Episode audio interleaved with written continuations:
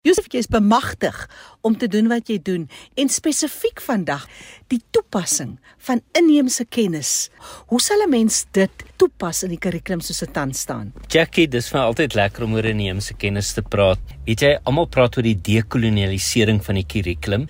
Ons moet opgewonde wees oor die kulturele diversiteit in ons land. Ons sit met soveel kultuurgroepe, elke kultuurgroep met 'n inheemse kennis. Dikwels bied ons 'n kurrikulum vir die kinders in die klaskamer wat steriel is. Daar is twee wêrelde waarin die kind hom bevind, die leefwêreld tuis en dan die wêreld van die kurrikulum. Ek dink inheemse kennis is sulke wonderlike konteks om die inhoud van die kurrikulum oop te breek vir kinders en 'n brug te bou tussen dit wat ek by ouma en oupa sien of by die huis sien en dit wat ek leer in die klaskamer. So wat ons doen by die Wetenskapsentrum vir Afrika by die Universiteit Wes-Kaap is om kort kursusse aan te bied vir onderwysers om hulle te wys maar hoe bring ek inheemse kennis in in die klaskamer. En weet jy wat ek besef het met my werk en navorsing. Daar is soos jy sê so diepsinnigheid in inheemse kennis. Die kurrikulum vra vir inheemse kennis en ek dink die nasionale onderwysdepartement het nou besef dat ons eintlik nou maar lippetaal doen. So daar is nou met die nuwe kurrikulum wat hulle beplan vir 2025 'n groot klem op wat hulle noem cross-cutting priorities en een daarvan is inheemse kennis mm. en dat dit meer moet wees as net inhoudelik en die kognitiewe, maar dat ons moet gaan kyk na vaardigheidsontwikkeling by kinders en ook waar waardes die affektiewe. Ons het so diversiteit. Jy het net baie kortliks daarna verwys. Hoe sal 'n mens oor daai bruggie stap? Want as jy nou kyk in inheemse kennis vir 'n kind in die Noord-Kaap, ja. verskil hemelsbreed miskien van 'n kind se in die Oos-Kaap. Dit is waar onderwysers die nodige pedagogiese inhoudskennis nodig het. Byvoorbeeld, as ek in die Noord-Kaap is, daar's so ryk inheemse kennis. Kinders kan betrokke raak by etnobotaniese opnames om met ouma en oupa al hierdie wyses in die samelewing te gesels. Watter plante, watter bossies word gebruik vir medisyne? Watter bossies word gebruik vir religieuse gebruike? Wat gebruik ons vir kosmetiek? Die kinders leer soveel vaardighede, natuurwetenskaplike vaardighede aan. Hoe voer ek 'n onderhoud met iemand? Hoe analiseer ek hierdie inligting? Hoe gaan verifieer ek dit? Is dit sodat die kankerbos kan help vir diabetes? Wat dalk iets is wat ek optel. En wat ons doen met die onderwysers is ook om te wys hoe kan mens vir die kinders wys hoe die natuurwetenskappe en inheemse kennis eintlik soveel gedeelde eienskappe het. Byvoorbeeld altwee empiries. Ons doen 'n tegniek wat bekend staan in die wetenskap as die Kirby Grower tegniek waar ons moet die plante vat, die kankerbos, ja. wilde als waar ons kyk wat is die aktiewe bestanddele en kan wilde als byvoorbeeld patogene onderdruk. Kan dit bakterieë doodmaak?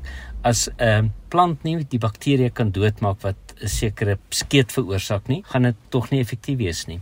Met ander woorde, mense kan wetenskaplike metodes ook gebruik om te kyk na neemse kennis. Natuurlik die teenargument is ons moet nie inheemse kennis probeer valideer deur die wetenskap te gebruik nie. Maar ek dink tog dit kan vir kinders wetenskap soveel beter kontekstualiseer as mense inheemse kennis inbring. En weet jy Jackie, ek het hierdie foto van oupa Jan wat 'n sanleier is wat poseer vir 'n foto in die Noord-Kaap toe die SKA die square kilometer ry uh, antennes um, toe hulle dit in gebruik neem van Meerkat. Dit is hierdie hoogste posisie van aan die een kant hierdie wyse sanleier agter hom 21 eeuse tegnologie hierdie teleskoop. En toe besef ek dit is die heerlike uitdaging wat onderwysers het. Hoe bly ons kinders as selfgerigte leerders voor vir 'n komplekse 21ste eeu? Gee vir hulle lewensvaardighede dat ons, jy weet, cutting edge navorsing kan doen in Suid-Afrika, maar hoe omarm ons ons ryk inheemse kennis en wat leer ons uit inheemse kennis wat ons vorentoe kan neem?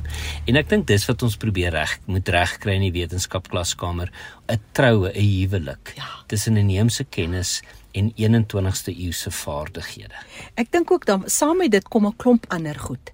Byvoorbeeld van oor af 'n nuwe respek vir waar jy vandaan kom absoluut. en vir iemand anders se kultuur wat dan weer verskil tot 'n mate. Ek stem absoluut met jou saam. Ek dink ons moet nie selektief wees as ons inheemse kennis inbring nie, want my onlangse PhD het gegaan om te kyk na mediese en toorplante in die Noord-Kaap. En wat ek besef het is wat ons baie keer afmaak as onwetenskaplik. Hmm. As mens gaan kyk na die diepsinnigheid van van hierdie gebruike, dan besef mens daar's soveel meriete daarin. Een voorbeeld, rooi vergeet is 'n plant Galium wat groei in die Noord-Kaap en dit word gebruik as mense onaangename ervarings wil vergeet. Dit klink mos nou absoluut irrasioneel om ja. te dink jy kan 'n plant gebruik om onaangename dinge te ja. vergeet. Ja. Wat ek toe nou agtergekom het in my navorsing mm -hmm. is mhm. dat navorsing waar hulle hierdie plante analiseer gewys het dat daar 'n alkaloïd is wat op breinwerking uitwerking het neurone by die sinaps is impulsoordra van een neuron na die ander deur asetielkolien gaan hierdie alkaloïd en hy beïnvloed die werking van asetielkolien. Met ander woorde, die boodskap word nie oorgedra nie. Ja. Met ander woorde, hoe die inheemse kennishouers en die wyse mense dit besef het, weet ek nie. Maar die feit is daar's al hoe meer wetenskaplike data wat wys dat dit nie so ver gesog is nie. Wat ek wil sê, ons moet nie net vlak kyk as ek die term kan gebruik na inheemse kennis nie, want dikwels is daar baie dieper liggende storie. Want onthou, dit is 'n orale tradisie, 'n mondelingse tradisie. Dit is nie opgeskryf nie. Ek dink ons moet ophou om uit 'n westerse kritiese perspektief altyd na inheemse kennis te kyk en dit gelyk te stel aan pseudowetenskap wat dit nie is nie.